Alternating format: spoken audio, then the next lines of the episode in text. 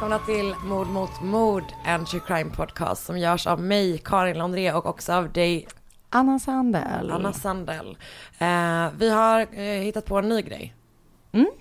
Som är att vi tänker att vi börjar alla avsnitt med att med tre ord hinta om fallen vi ska göra den här Mm. veckan. Mm. Har du tre ord till Det hands? Vill, du- vill du köra? Lågt IQ. Det är två ord. Är det, men det är inte så det är. Det är tre fraser. Okej, okej, okej. Mm. Luktiki. Mm. Lågt IQ, sängvätare, Ted Bundy. Men, men det är inte det att du bara berättar att det är Ted Bundy. Nej. Okej, så lågt IQ, sängvätare, klassisk seriemördargrej. Är det en seriemördare? Ja, eh, ja. Hmm, spännande. Mm. Okej, jag kör. Mm. Ehm, Ukraina, Mm. hammare, snufffilm. Jävlar. Vet Ja. inte, men Det kommer bli grovt. låter starkt. Ja, ja det, det kommer bli vidrigt kan Mm. man säga. Eh, så det har jag ser fram emot. Hur mår du? Ja men bra, det är ju fortfarande 30 grader varmt. Det blir en följetong av det fina vädret Det i känns som Stockholm. att du, är du väldigt väderberoende? Ja, alltså. Ja, jag kollar Ja. i vädret liksom Ja. flera gånger, typ när jag är utomhus. Vad är det för väder egentligen? Typ Ja. så är jag. Min kille tycker att det är skitkonstigt att jag kollar vädret. Det är ju askonstigt att inte göra det. Eller hur? Tack. Bra. Jag, jag var på trädgården i... ehm, jag är ju också väldigt rädd för att frysa. Jag tror att det är därför jag kollar eh, vädret så mycket. Eh, för Du jag är var, ju en sån person som alltid har med dig typ så här jeans och såna moon boots i din handväska. typ, för Ja. jag var på trädgården i lördags och då var det 30 grader varmt. Jag hade på mig klänning. Och så hade jag också en merino-ullströja i väskan och en skinnjacka. Eh, och jag var så svettig. Till slut satte jag bara på mig jackan för att jag bara, nu döljer jag den här svetten. Och bara embrace Bra i och för sig. Ja. Så smart. Det var så varmt, men sen så när kvällen kom så var jag ju glad. För då frös jag och satte på mig jackan. Så det var, men ett litet så garderobstips Ja. tänker jag. Alltid ha med sig något att slänga på sig. Jättebra. Mm. Du är våran Trini and Susanna. Du är båda två. men det, deras enda tips är att man ska så dra ett skärp i midjan. Det är verkligen, Ja men typ. Det Att. Men det blir alltid snyggt också. ja, verkligen. Ja. Det är det enda som funkar på min Mm. kropp. Så det är jättebra. Hur mår du? Du har varit på semester. Exakt, jag har varit Vi har i... inte setts på två veckor typ. Nej, är det så lång tid? Mm. Ah, det är därför jag har haft så ont i hjärtat. Jag vet, jag med. Mm, bra. Eh, jag har varit i LA och Mm. varit i, eh, och i Kalifornien och så. Eh, och det har varit kanon. Mm. Alltså det är väl det. Man ska inte vara så morsig och vara så här. Vi kom Allt dit och så hämtade vi ut Alltså, vår hyrbil. Ja, exakt. Precis så. Eh, en bra grej som hänt är att jag läste ut I'll be gone in the dark av Michelle McNamara som jag nu har tagit med mig och gett till dig. Väldigt glad för det. Vi var ju typ lite så här, inte hela vägen upp i liksom, eh, och inte heller hela, heller hela vägen ner om vi ska vara helt ärliga. Ni var någonstans i mitten. Ja men ändå igenom, och körde igenom några lite städer och så som, som liksom, eller man fattar ju eh, lite grann vilken typ av scener som de här brotten utspelar sig Mm. i. Och den var jättebra.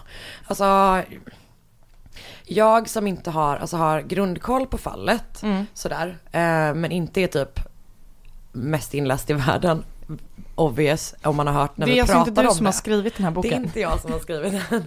Men eh, det som är med den är att den är jävligt alltså så här, skönlitterärt bra skriven också. Mm. Och jag ska berätta för dig att jag grät Wow, flera gånger. Det är stort. Jag gråter i och för sig hela tiden. Jag gråter ju väldigt sällan så vi kan Ja, ju vi se, se. Om, jag, om jag gråter också. Ja, ah, men spännande. Mm. Ehm, Tack. vad- ja, du. Eh, tips som jag vet att vi båda två har lyssnat på. Så det här är inget tips till dig. Det är tips till folk som lyssnar. För Ja. folk gör tydligen det på det här. På den här, Ja, på den här grejen. Det är så härligt. Du tycker att det är rimligt. Eh, eh, ja, det är superhärligt. Men eh, vi har ju båda två lyssnat på Hästgården. Mm. En P1-dokumentär i fem delar. Ja, gud att jag... En P1-dokumentär Mm. i fem delar. Be- berätta vad du tyckte. Eller vänta, börja med att berätta vad den handlar om. Eh, jag blev tipsad av min kollega Stina vill jag säga, för jag lyssnar väldigt lite på P1 Dokumentär. Jag vet Mm. att du lyssnar väldigt mycket, men jag har någon slags tröskel mot det, för att jag vet inte varför. Men du tänker att det kommer asbra. vara träigt? Ja men typ. Mm, jag tror också det. Men det handlar då om eh, en man som driver en ridskola och har en hästgård. Som eh, på 90-talet va? Mm. Blir anklagad för sexuella övergrepp. Och dömd för. och döms för det. ja.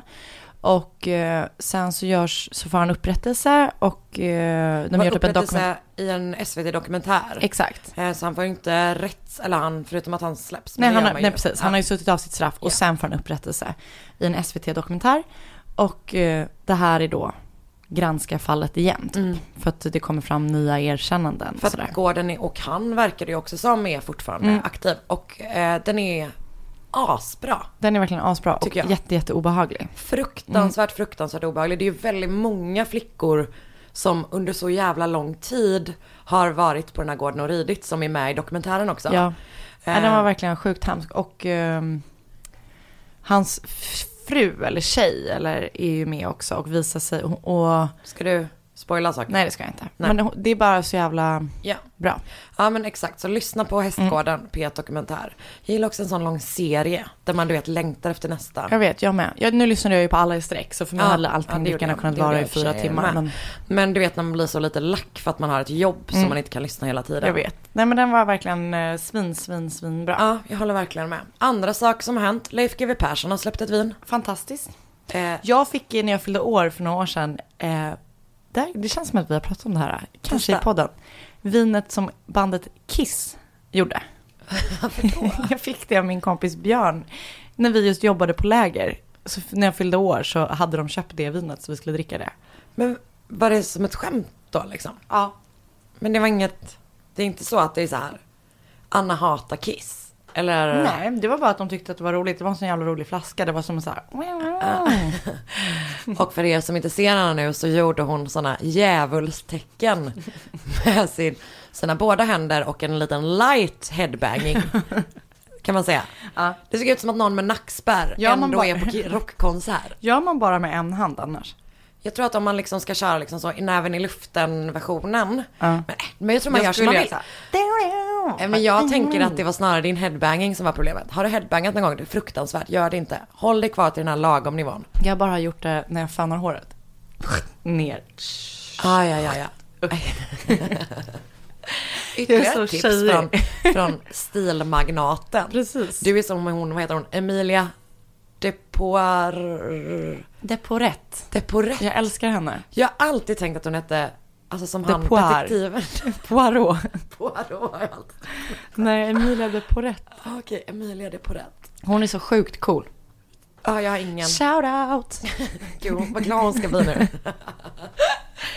Eh, har vi något? Mera? Jag sa saker till dig innan. Jo, vet du vad? Jag ska också säga så här. Att vi, för um, förra avsnittet som vi spelade in, släppte, hade vi spelat in för flera veckor sedan. Det var därför jag gjorde en sån stark liten egen påa. Ja, det är bara att jag långsamt försöker fasa ut det ur den här podden. Jag hade en liten påa som handlar om hur glada vi är för den här Facebookgruppen som vi nu har startat. Alltså, jag tänker bara vi måste prata lite, för du och jag har typ inte pratat så mycket om det. För att jag tror att vi båda två har varit lite chockade. Verkligen. Nu har vi 500 000 medlemmar. 500 000 medlemmar eh, och det har gått väldigt fort. Det är ju bara på en vecka. Nej. Jo, Eh, jo. men det är inte 500 000. Nej, nej, okej, det är typ, det, men det är över 500. Vilket jag tänker jätteroligt. För om jag, jag är typ inte en person som riktigt går med i Facebookgrupper så lättvindigt. Nej. Så hade det varit jag så hade jag gärna velat veta att 500 andra hade joinat innan jag själv signade upp. Mm. Så att du vet, för att vissa hade säkert tyckt det var svinmysigt att ha den här grejen som jag sa att det skulle bli, att det var bara var du och jag som hade en chatt där inne. Men eh, man, får, man får hänga med, det är askul där. Verkligen. Och man får, gud nu är det som att jag säljer mitt eget party. Verkligen. Folk vill inte Men komma på din fest, Kari. Jag står i fönstret och väntar, du vet ser bil på bil åka förbi. Ja, så var det för mig. Nej det var inte. Nej. Men det är jävligt härligt där i alla fall. Och ehm, det finns, det är en person som visade upp att hon hade Leif GW Persson som liksom foder på sin studentmässa. Ja, det var fantastiskt. Det gjorde ju dig otroligt glad. Ehm, vad har vi mer gjort där? För det, det har varit så jävla mycket tips. Typ att någon bara, kan någon tipsa om lite grejer? Och alla bara, japp! Ja, det är Rally the engagemang. Troops. Mm. Det är verkligen det, det har hänt mycket. Men vi pratade aldrig färdigt om GVs vin. Nej just det. Och så vi älskar den här Facebookgruppen, gå med, det kommer vara a hell of a ride. Och det ska vi också säga nu att vi också från och med nu kommer börja eh, läsa upp någon eh, lyssnar, typ av lyssnarmeddelande om det är från Instagram eller från Facebook i slutet av varje avsnitt. För vi tycker typ att det är lite svårt att avsluta. Så nu kommer vi göra det så att det blir en härlig, härlig, ett härligt avslut när ni Ja. berättar hemska saker istället. Nu åter till GVs vin, kör. Nej men eh, du skickade en länk att Livets Goda var det Kent som hade skrivit, som jag faktiskt har varit i mejlkontakt med. Oh, gud. Att de hade Det är du sagt som har att, planterat den Ja, men recensionen. att eh, det var det enda kändisvin som faktiskt är gott att dricka. Mm. Och då Och då- tänkte jag så här, fan det är klart att det är det, för att han är sån livsnjutare. Ja, så att eh, jag tänker så här. Mm. Vi får väl ta en poddkväll när vi dricker GVs vin eller? Alltså, ja. Ska vi? Vi kör bara eller? Ja, för jag vill gärna veta, jag tror du är först va? Mm. Jag vill gärna veta vem det är som har kissat i sängen på Ted Bundy med lågt IQ.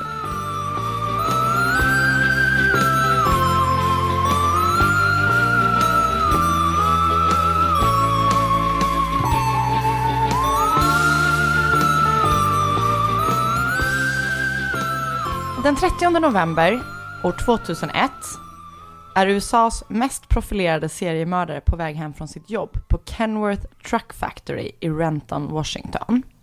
Och då åker han fast. Han arresteras då för mordet på fyra kvinnor till vars mord man kan ka- koppla hans DNA till. Det skulle däremot visa sig att det var långt fler än fyra kvinnor. Och mannen som arresterades var ingen mindre än The Green River Killer. Eller som han heter på riktigt, Gary Ridgway. Ja, ja, ja, ja. Är det med? Anna, Mm. vilken jävla, vilken present du kommer med. Ja, vad kul. Helvete. Ja, vad bra. Fy fan, nu åker vi. Det gör vi.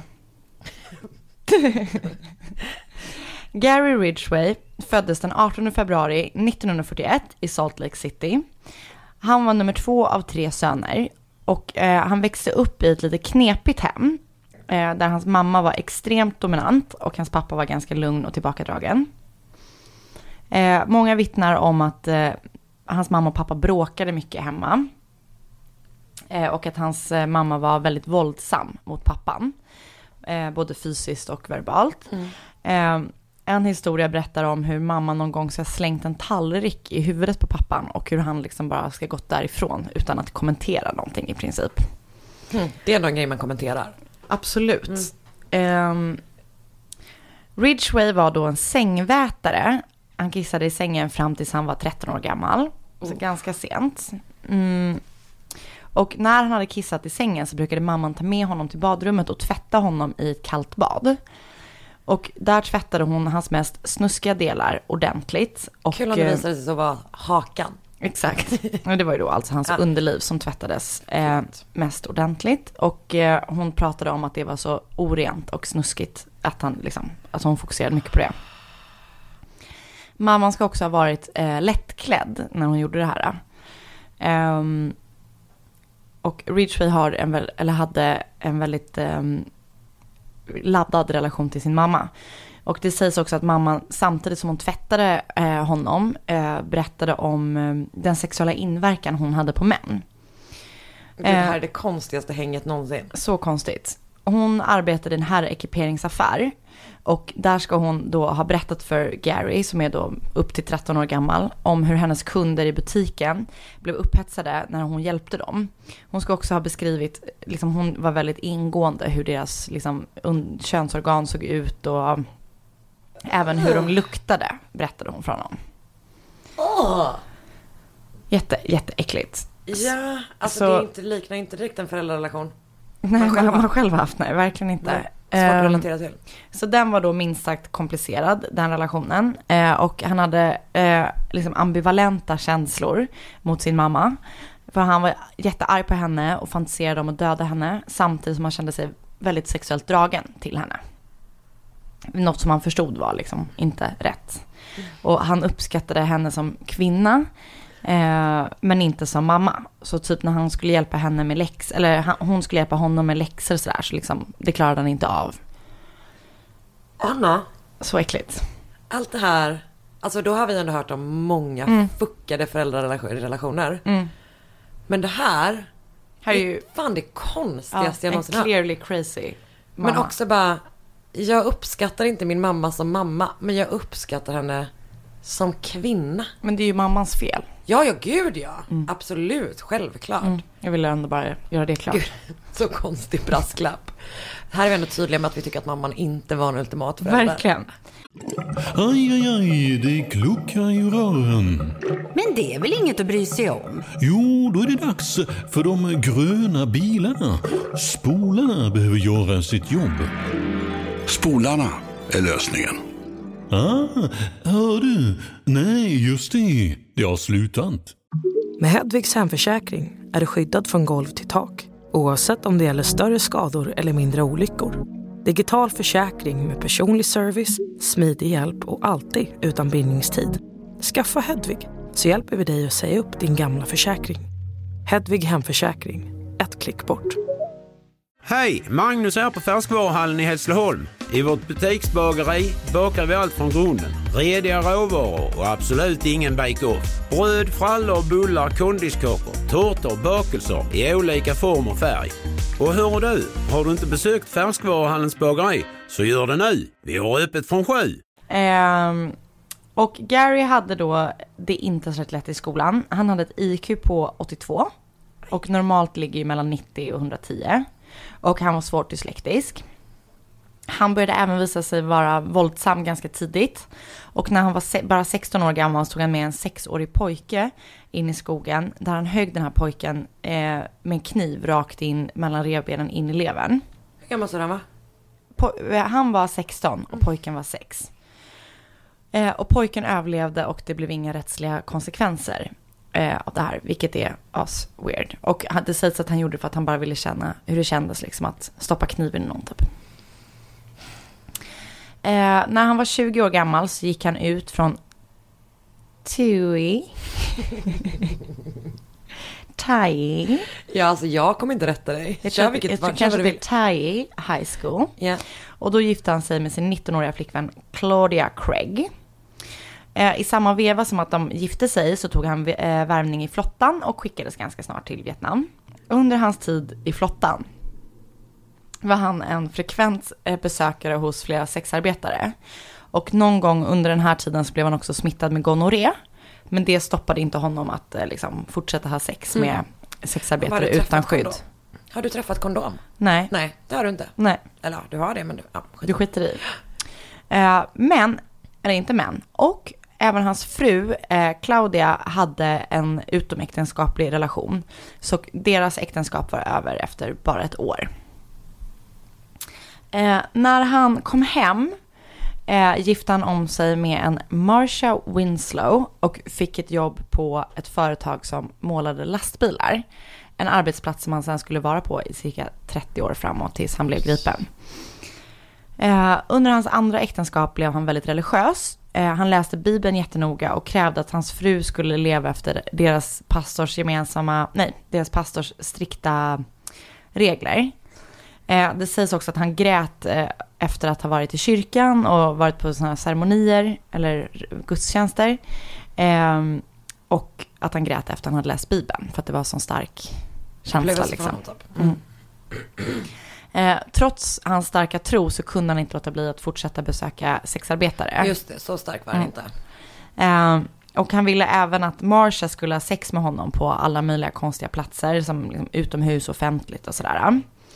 Eh, det skulle senare visa sig att en del platser där han hade liksom tvingat henne att ha sex var platser där han hade begravt eh, sina offer.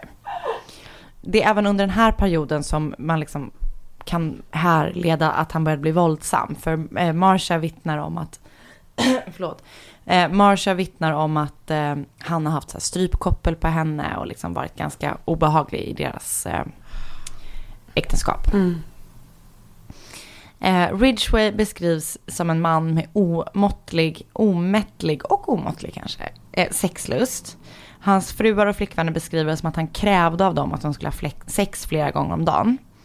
Ehm, och han skulle senare erkänna att han hade en besatthet av sexarbetare. Och andra människor har hävdat att det var någon liksom känsla, att det var någonting med hans mamma och sådär. Eh, bara, ja, du hatar kvinnor. Eh, han hade en hatkärlek till den här besattheten. Eh, för att han slets då mellan sin starka sexlust och sin starka tro. Så han kunde inte låta bli, men han tyckte inte om att han gjorde det. Typ. Men jag tycker, förlåt, ett litet sidospår. Eller jag kan ta det efteråt. Eh, jo men alltså för att just det här att jag, jag kan känna typ att så här, det här är ju typ inte en person med sexlust utan typ med maktlust. Alltså förstår du vad jag menar? Att det känns som att det, och det, alltså sex har ju med makt att göra förstås liksom. Men att det är så här, ibland kan jag känna att man, alltså när man omskriver den här typen av personer som bara så här, han var så himla kåt. Man bara, nej. Nej, det är inte det det handlar Alltså om. dude hatade kvinnor och ville typ göra vidriga saker med dem hela tiden. Verkligen. En del säger också att hans eh, starka känsla, alltså dominanslängtan, handlade om att han hade sett sin pappa vara så liksom svag, eller vad man ska kalla det.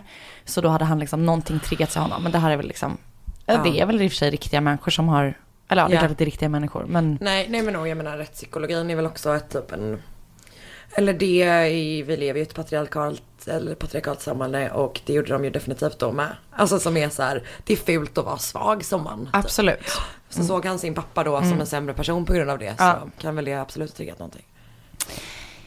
Men mellan 1982 och 1991 ska han ha mördat upp till 71 kvinnor i närheten av Seattle och Tacoma. Vänta, sa du 71? En del säger 90. Och han säger själv att han har dödat så många så att han har tappat räkningen. Mm, perfekt. Eh, många av hans offer var prostituerade som han plockade upp vid eh, The Pacific Highway. Eh, en del offer ska också ha varit liksom runaways, men det som de hade gemensamt var att det var kvinnor som ingen direkt skulle leta efter, som i så många andra fall. Ehm, så det som han ofta gjorde då var att han plockade upp en kvinna, sexarbetare eller eh, ja, runaway. Eh, och i, ibland för att liksom säkra att de skulle komma in så visade han upp en bild på sin son. För han hade ju då fru och barn. Ehm, för att liksom de skulle lita på honom, att den här mannen har ju en son sådär. Ehm, och när han väl fått in dem i bilen eh, så körde han där iväg från platsen och sen våldtog han dem och ströp dem bakifrån. Mm till en början så använde han sig av sina händer, men många av kvinnorna stretade emot så mycket så han fick liksom sådana defense... eh, Det ju vara svinjobbigt att Och strypa någon. Ja, framförallt alltså till, med bara händer. Man kan ju tänka sig det. Ja. Eh, så då började han använda typ rep och liksom sådär. Eh, och han dödade alla sina offer i sitt hem, står det på en del ställen, men också i sin bil eller liksom på någon avskild plats där han kunde sedan göra sig av med kroppen. Eh, och under 80-talet, alltså redan 100, 1982 eller 1983, precis när han har liksom påbörjat sin murdering spree, så började polisen hit, utreda de döda kvinnorna som hade på, påträffats. Och två av de poliser som var involverade var Robert Keppel och Dave Reichert. Och de hade då hade precis intervjuat Ted Bundy när han hade åkt fast. Så Ted Bundy erbjöd sin hjälp i profileringen av eh, The Green River Killer. Så han, Bundy då delade med sig av sina åsikter om gärningsmannens psyke, vad han trodde drev honom och hur han ansåg, eh, liksom, eller an, ja, ansåg sig tro att, eh, eller hur han trodde att mördaren bete, skulle bete sig. Och han sa någon gång sådär, eh, don't ask me why, but I'm, typ att han bara, han är expert typ, på ämnet liksom. Men gud. Men de var FBI-agenter eller? Mm. Ja, precis. Ja. Ehm, så sjukt. Kan jag också fatta det deppiga när man är så här. Nej, vi får tyvärr fråga Ted Bundy. Alltså det är så jävla konstigt. Men det verkar som att Ted Bundy liksom också reachade ut, att han ville Ja, verkligen men alltså, berätta. han ser ju sig själv som en så jävla smart människa. Verkligen. Och säkert som en mycket bättre människa än den Än här den här, personen. Eftersom han inte mördade typ utsatta kvinnor. Alltså, absolut. Utan att han, han mördade ju inte sexarbetare och så vidare liksom. Så han tyckte säkert att han var lower standing on the Verkligen. rank. Liksom. Ah, Verkligen. Fan vad sjukt. Eh, och Ted Bundy hävdade då att eh, mördaren, eller han trodde att mördaren eh, troligen skulle besöka gärningsplatsen igen. Efter att han hade begått morden för att ha sex med sina offer igen. Eh, vilket senare skulle visa sig vara sant. Jo, redan 1982 så åkte Ridgway fast för att han hade köpt sex. Och under 1983 blev han misstänkt, att ha varit, misstänkt för att vara The Green River Killer. Men 1984 så tog han ett sånt polygraph-test eh, som han klarade. Just det, det var på den tiden man trodde på det. Mm. För det som sen ska visa sig när FBI tog fram ett så här kvalitetssäkringstest var att han inte alls hade klarat det. Nähä. Så han lyckades inte ens klara det här felaktiga testet? Nej. Ah, Okej, ja men perfekt. Eh, 1986 lämnade han också eh, saliv, han swappades för saliv och lämnade hår-DNA-test. Eh, 1988 så gifte han sig en tredje gång med en Judith Mawson. Som aldrig misstänkte att han var skyldig till det här, eller hon kunde liksom inte tro det. Eh, men han ska också ha sagt i intervjuer efter han togs fast att han mördade mindre under tiden han var gift med Judith för att han verkligen älskade henne. Mm, fint. Man bara, det var inte det att han la ner mördandet. Nej. Men han mördade mindre. Gud, allt man vill ha är en man som mördar mindre för Verkligen. en. Och hon ska också ha sagt i en intervju så här. I feel I have saved lives by being his wife and making him happy. Alltså så båda är ju helt klart tossiga Ja, men liksom. också den grejen att man bara, hjärtat. Mm. Åh, fy fan. Åh gud vad sorgligt. Så sorgligt. Också den att man är så här, jag kan rädda honom. Jag, alltså, ja. Mm, ja. Eh, och de DNA-testen som han lämnade då 1986 skulle senare lämnas in för DNA-analys när liksom man hade kommit fram längre fram med DNA-testing. Och det var det som skulle, sen skulle komma bli eh, beviset som kunde leda till hans gripande. Så Gary Ridgway greps nästan 20 år efter han hade liksom varit misstänkt första gången. Oj, Mm. så det är bara att de inte hade något att binda honom till. Det är så sjukt. Och då när han greps 2001 så greps han för fyra mord. För då hade de då kunnat koppla DNA-tester till det. Ehm, Och sen gick, hur gick utredningen till sen? sen så, eh, 2003 flyttades Ridgway från ett, då satt han liksom häktad och då han var väl liksom supermisstänkt och uppenbarligen för det här. Ja. Ehm, men det som hände var att alltså han började snacka typ ganska mycket och 2003 flyttades han från ett maximum security fängelse till ett minimum till medium security fängelse. Och då höll hans advokat på att lösa en plea deal till honom. Och då skulle han slippa dödsstraff om han erkände ett antal av morden. Okej, så han blev dömd för de här första fyra. Och sen satt han på, först på max. Mm. Exakt, Och sen, och sen så flippade ja. typ. Och sen skulle de hitta en plea deal. Exakt. Det är med. Eh, Så i november 2003 så gick han med på den här plea dealen, guilty plea deal, där han erkände 48 mord. Men gud, också man bara, ja det är så Mm. konstigt att bara, jag gör en plea deal. Det kan nog finnas något bra i det här för Det är mig. jätte, jättekonstigt.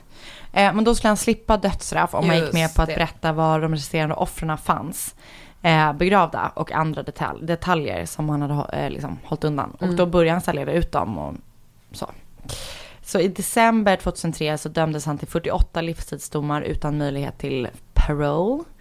Och han blev också dömd till 10 år gånger 48 offer för att han ska ha fifflat med bevisen. Så att alltså 480 år liksom lades ovanpå det. Jävlar.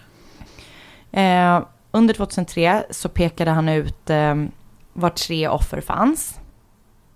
Och sedan dök det upp andra kroppar och remains från andra offer liksom löpande i ganska närliggande områden under de kommande åren. Eh, jag läste någonstans som jag sen inte hittade igen att han, en av hans liksom signum var att han la en liten sten i kvinnokroppen som han hade mördat. Men jag kunde inte hitta det igen. Men jag kommer ändå säga det för att jag Ja. tyckte det var en sån himla obehaglig grej. Ja. Att han la Allt i... sånt ceremoni- ceremoniellt. Exakt, är ju väldigt läskigt. obehagligt. Och jag läste också någon annanstans men inte hittade igen att på många offer så hittade man typ som billack. Eh, och han jobbade ju på en billackeringsfirma. Men som sagt, man läser mycket, kommer ihåg lite. Det är som vanligt för oss. Eh, Ridgway har då erkänt fler mord än någon annan amerikansk seriemördare. Och även om han är dömd för liksom bara 49 mord så har han erkänt 71. Ehm, I december 2003 så erkände han också att han hade sex med dem innan han dödade dem. Eh, som, det erkände han inte från början utan då var det liksom bara mord. Men. Eh, Han bara, det är inte det som är det skamliga. Eller det är det förstås självklart också. ja, Men det är så här, nej men det är inte mer okej att bara att mörda bara mör, eller så. Nej. Det, eller, Och då i samma, vidrigt. I samma veva så erkände han också att han valde sexarbetare för att han hatade dem och att de var enkla att plocka upp. Och det var i den här vevan igen, liksom samma veva som han också erkände att han hade sex med sina offer efter att de var döda. Ehm, och att han efter efter ett tag började han begrava sina offer för att han inte kunde motstå att utföra, eller vad man säger, begå nekrofili på dem. Och någonstans läste jag att han ska ha sagt att det var så här, han ville få valuta för pengarna typ.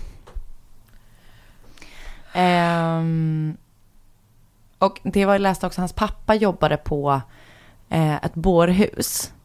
Eh, så han, det sägs då att hans pappa ska ha berättat för Gary Ah. Om hur hans kollegor och det så höll på med de döda kropparna. Så att redan när han var liten så fick han höra sig ett sjuka historier om hur man kunde ha sex med döda kroppar. Typ. Oj. Eh, jätte, jätteläskigt. Återigen, vad är det för snack de har med sina barn? Alltså så konstigt. Det bara, vill höra en rolig historia från pappas jobb. Att han kommer på sån career day Verkligen. på, sin, på skolan. Men eh, bara för att avsluta så ska jag läsa en, em, ett citat som han har sagt. Em, För han verkligen, han har verkligen ingen Nej. respekt. Nej. Det här ska han ha berättat om hur han tänkte när han plockade upp sina offer. I would talk to her and get her mind off of things. Sex, anything that she was nervous about.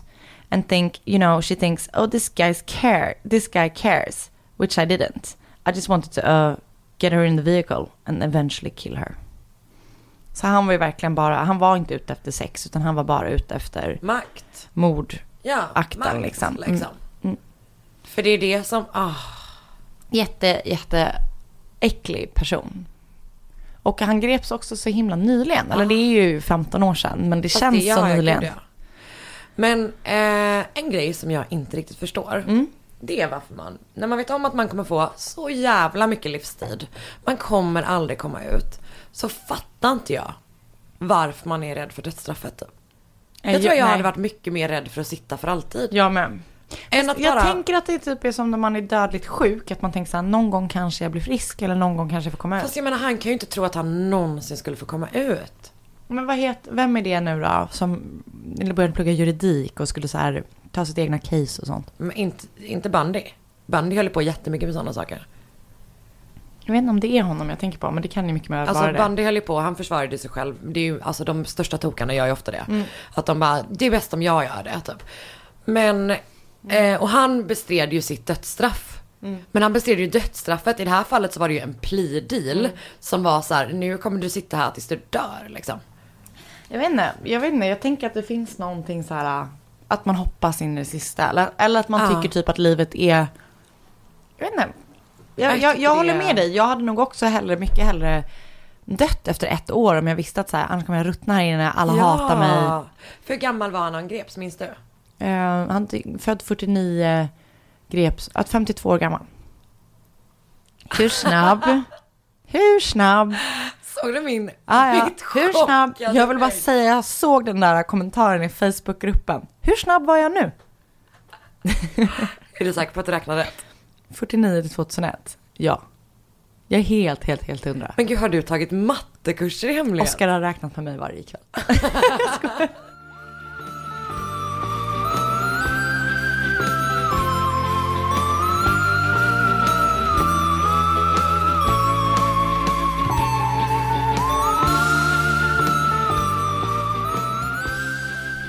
Men det var någon, eller vet du vad? Jag tror faktiskt att det var Ida som har mörderier, mörderier som är en superbra sajt som jag pratade om innan. Eh, som typ när vi diskuterade återigen i vår underbara Facebookgrupp. Ja, det här är ett långt avsnitt sponsrat av Facebook. Zuckerberg har gått in med sina egna pengar. I wish. Nu kör vi. Eh, när hon nämnde typ hur Flashback var så här en del av hennes liksom true cri- crime uppvaknande. Och då kom jag att tänka på ett fall som var lite så för mig. Som jag typ hörde om på Flashback första gången. Ehm, och det har typ hängt kvar vid mig. Och typ några andra också. För att jag har fått lite önskemål på det här.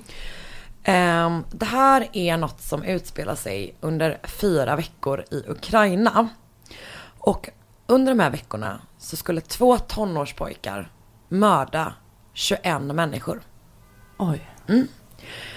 Och det här namnet är så svårt att säga. Att Du klarar det. jag ska berätta för dig att i natt så drömde jag att du och jag satt och spelade in och jag uttalade han namnet perfekt. Men du kommer göra det nu Jag kommer också. inte göra det för att det är så här Dnepropetrovsk. Men eh, jag satt innan och tränade idag på kontoret på hur man säger det här. Och då visade det sig att min chef, Simon, jättebra på att uttala det här. För att han har en kompis som har bott där. Så jag tvingade honom att spela in när han sa det. Så jag tänker att vi, jag säger Dnepropetrovsk Maniacs heter de. Eh, och nu så kan jag spela upp hur det ska låta egentligen. Här är alltså min chef Simon Strand som tar del i det här. Dnepropetrovsk. Dnepropetrovsk. Dnepropetrovsk. Väldigt bra. Eh, Nu kan du kalla dem bara för Maniacs under tiden. Exakt, de heter då Dnepropetrovsk Maniacs. Eh, men för många så kanske de är kända för föröva, som förövarna i snufffilmen Three Guys, One Hammer. Fy fan.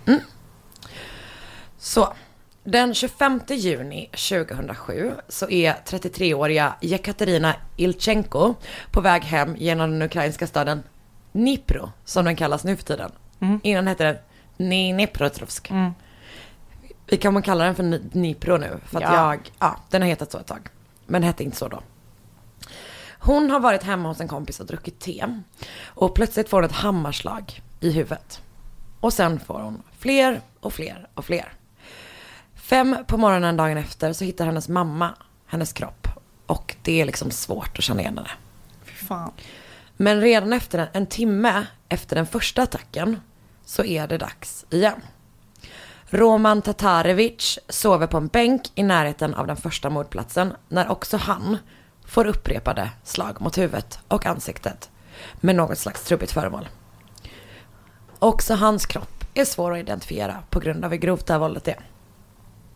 Fem dagar senare hittas eh, Yevgenia Grishenko och Nikolaj Serchuk mördade i staden Novomoskovsk. Vilket ligger två och en halv mil utanför Dnipro då. Den 6 juli eh, så mördas tre personer i Dnipro. Igor Nechvoloda.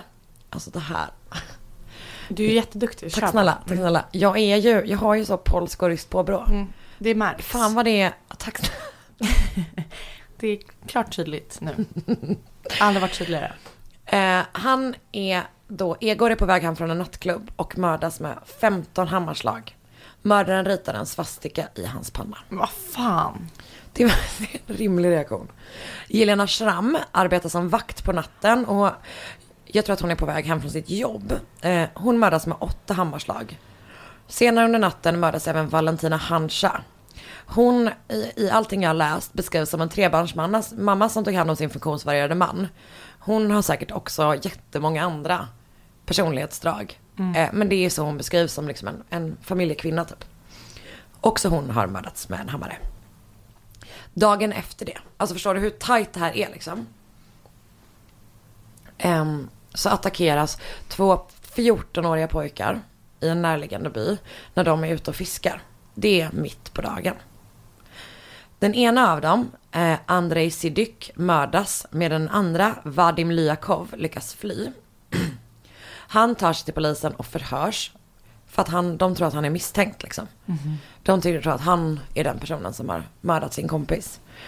Och typ han ska bli behandlad jävligt illa av polisen, du vet så här, blivit slagen och sånt.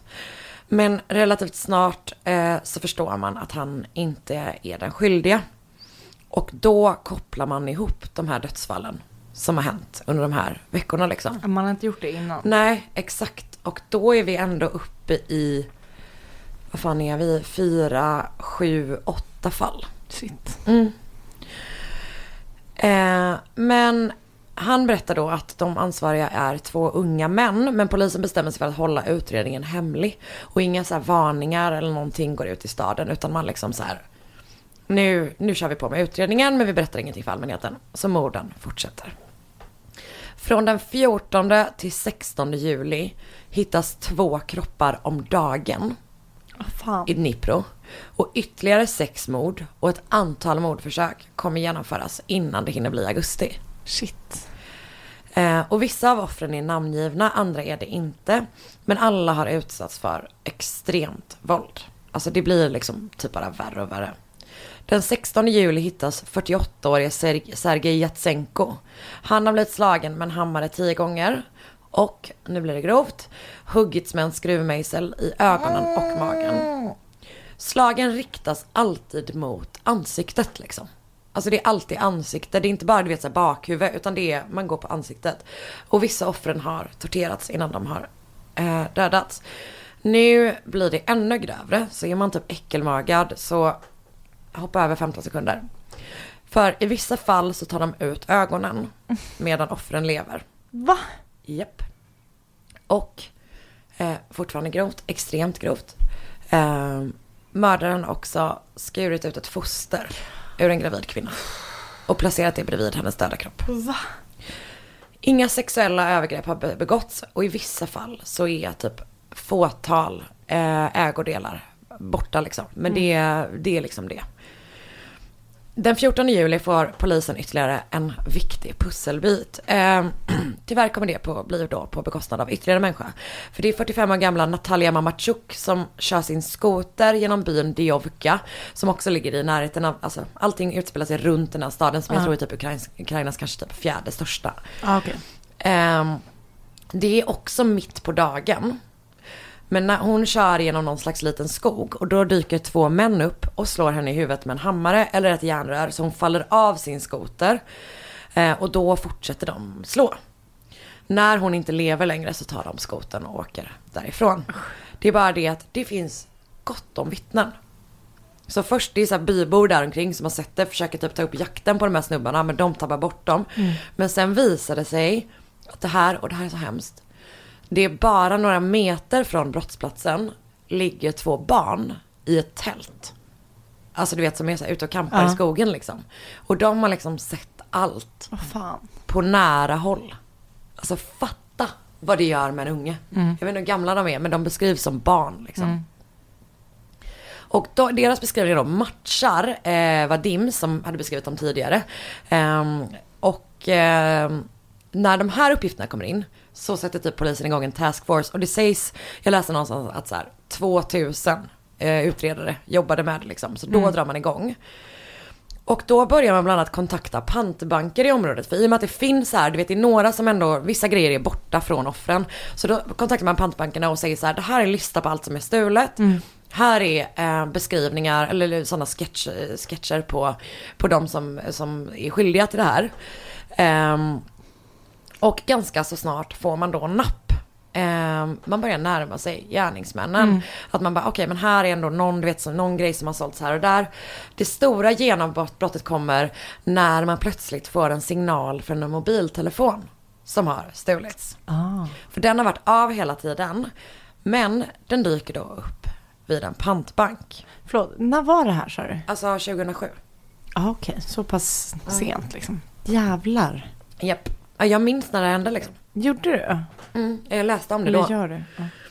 Eh, jag minns det då. Nu har jag Ja, du det. minns, eh, så kom det tillbaka.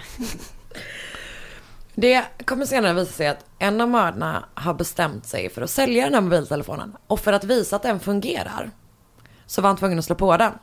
Och då pingas det direkt liksom Det är väl det polisen. första man lär sig. Ja, jo men han vill också typ så här, hur mycket, det, det var inte mycket pengar han skulle sälja den Var för det heller. ens en iPhone? Nej det tror jag absolut inte. Jag skojar. Nej men det var typ, alltså jag minns inte riktigt hur mycket pengar det var. Men det var inte mycket Nej. pengar som man skulle få för det heller. Alltså man bara, nu är det som att vi ger mördare tips. Det gör vi absolut inte. Slå på era jävla telefoner. Verkligen. Sälj dem. Så snart är då Neropretrovsk Maniacs gripna. Så låt oss då prata om de här personerna. De som kommer dömas för de här morden är Viktor Sajenko och Igor Suprunjuk. De är båda födda 88. Och jag funderar på om det här är anledningen Ja, till du att minns. jag minns för att de var lika gamla Ja. som jag var. 2007, då var de fan inte gamla. Nej, nej, Studenten. 19. Mm. Exakt det är när jag tog studenten. Jag tog studenten 2007. Jag med. Skryt. Ännu mer skryt. Ett år tidigt, Jag var Anna. 17 år bara. Jag det. Högt IQ här. 200 är IQ. Absolut, Eddie Kemper. Sätt dig ner.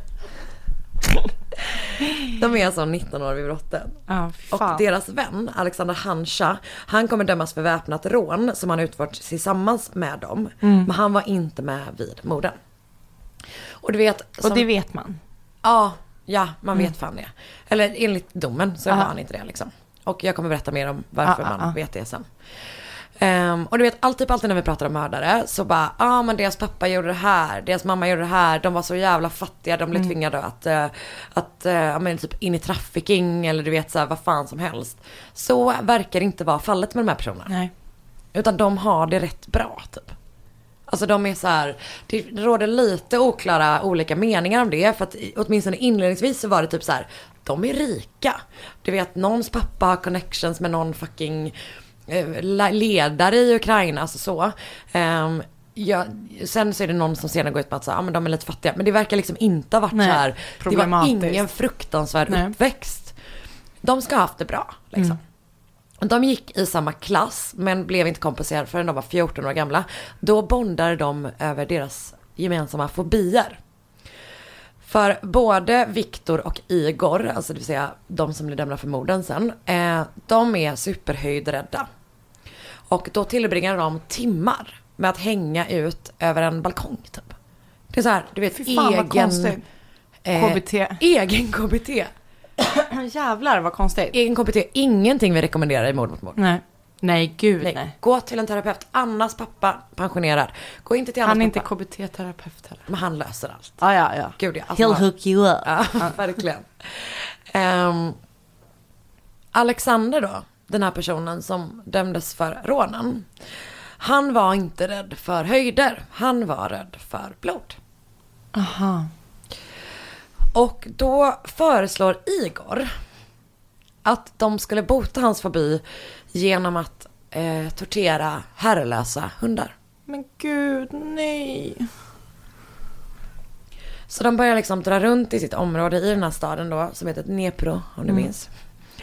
Ehm, och hitta, alltså leta upp herrelösa hundar och tortera dem till döds. Och typ ofta så här så hängde de upp dem i träd och typ tog bilder på sig själva med sina offer liksom.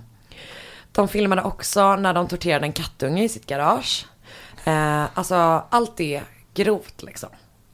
Och så bondade de också över att de var nazister. Och brukade typ rita svastikor med, med djurblod. Det finns tydligen en bild där Igor posar med en Hitlermustasch gjord av tandkräm. Gud vad dumt. Gud det är också samma med, eh, oavsett hur vidriga 18-åriga killar är så är de alltid såna jävla töntar. Alltså det är helt sinnessjukt. Att han bara la en sträng tandkräm, väldigt Tant. kort, väldigt kort, rakt under näsan.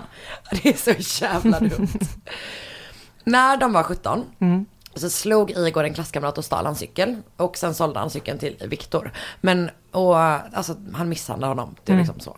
Men ingen av dem dömdes, till det, dömdes för det för att de var för unga.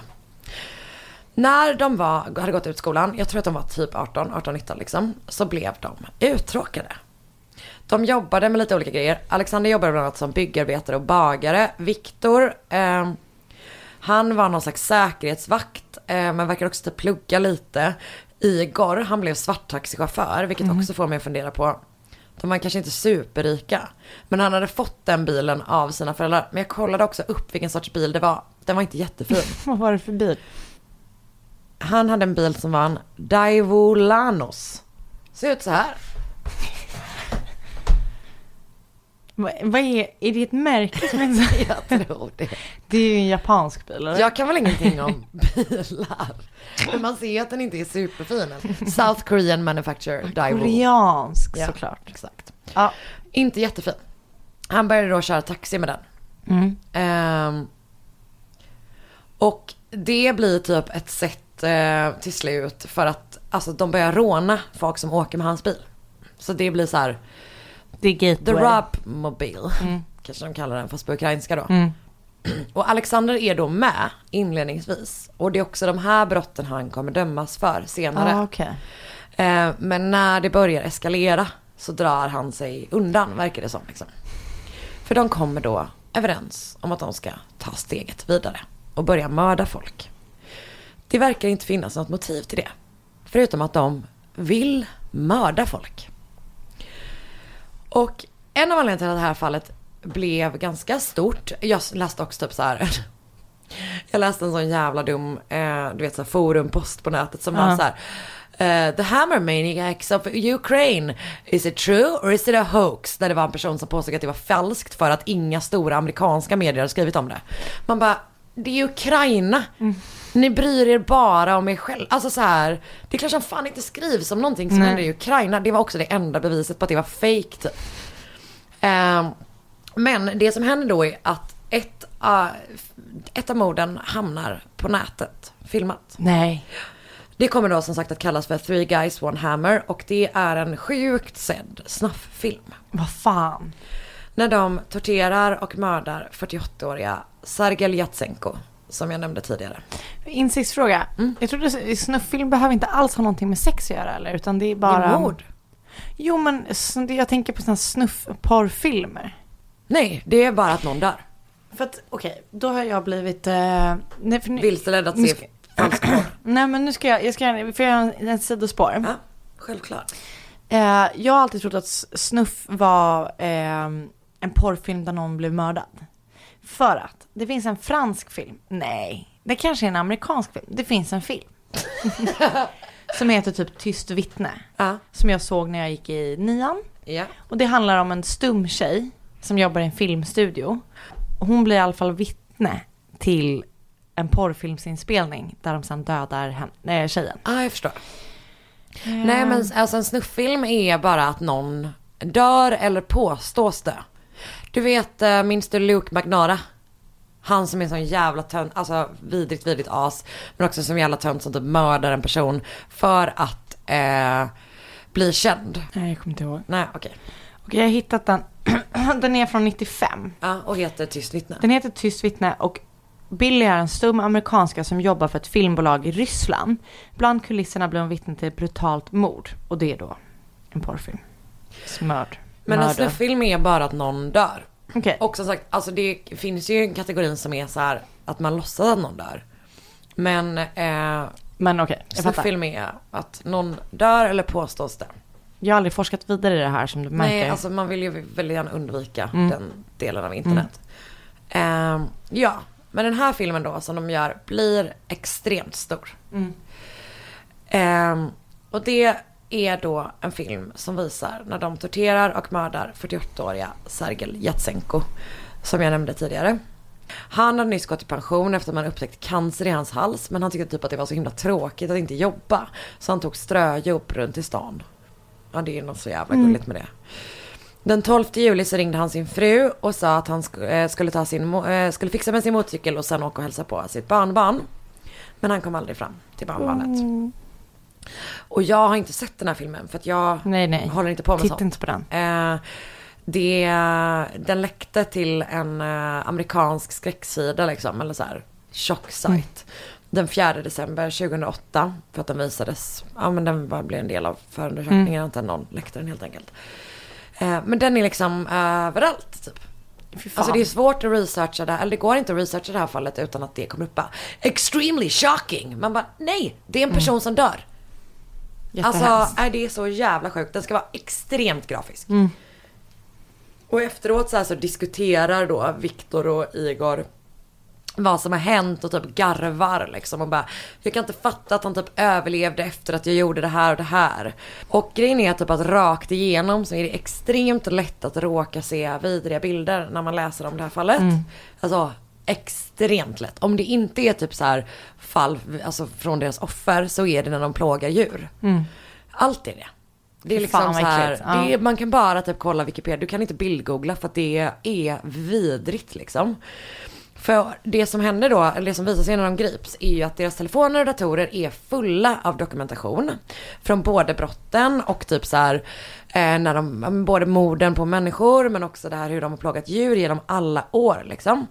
De har gått på person, alltså offers begravningar. Va? Filmat sig själva när de typ så här visar fuck you mot typ kistor och gravstenar och sånt. Alltså jättemycket sådana grejer. Det, det har jag typ sett bilder på. När de liksom också töntigt att visa fuck you. Återigen, de är sådana. Mm.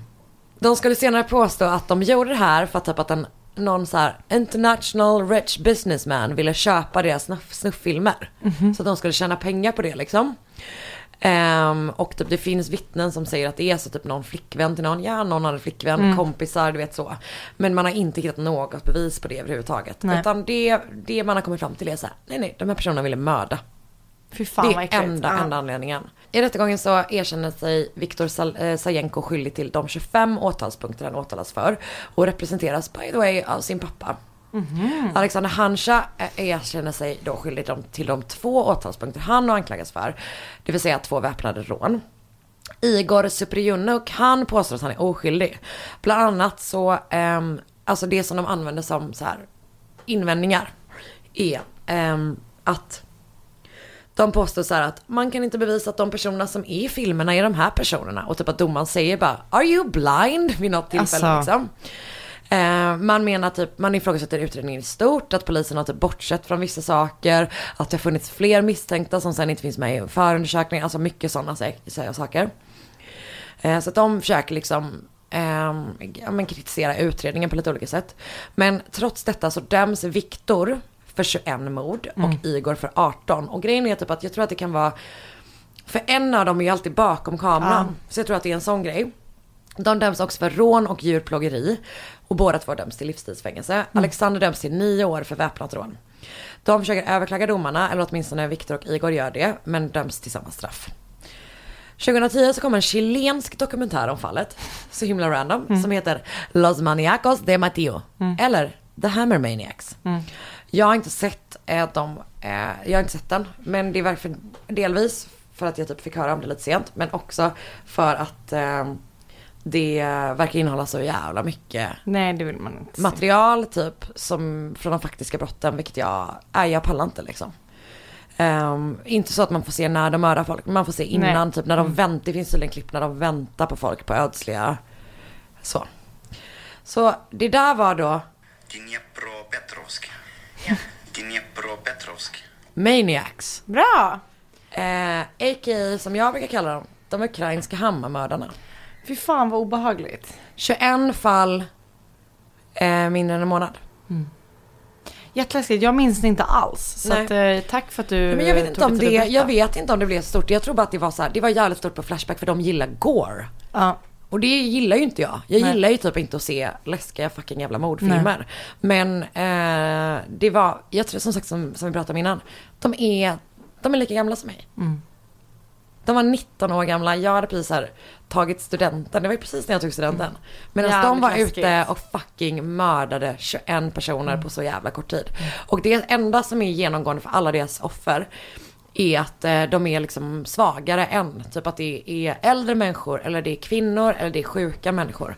Det är det enda man kan se. Och det blev några som ses som copycat-mördare. Typ några år senare. Eh, som också typ mördade så åtta personer. Fan vad vidrigt. Eller hur? Men tack för att du berättade. Du, ska vi avsluta på ett, eh, en lyssnargrej eller? Ja.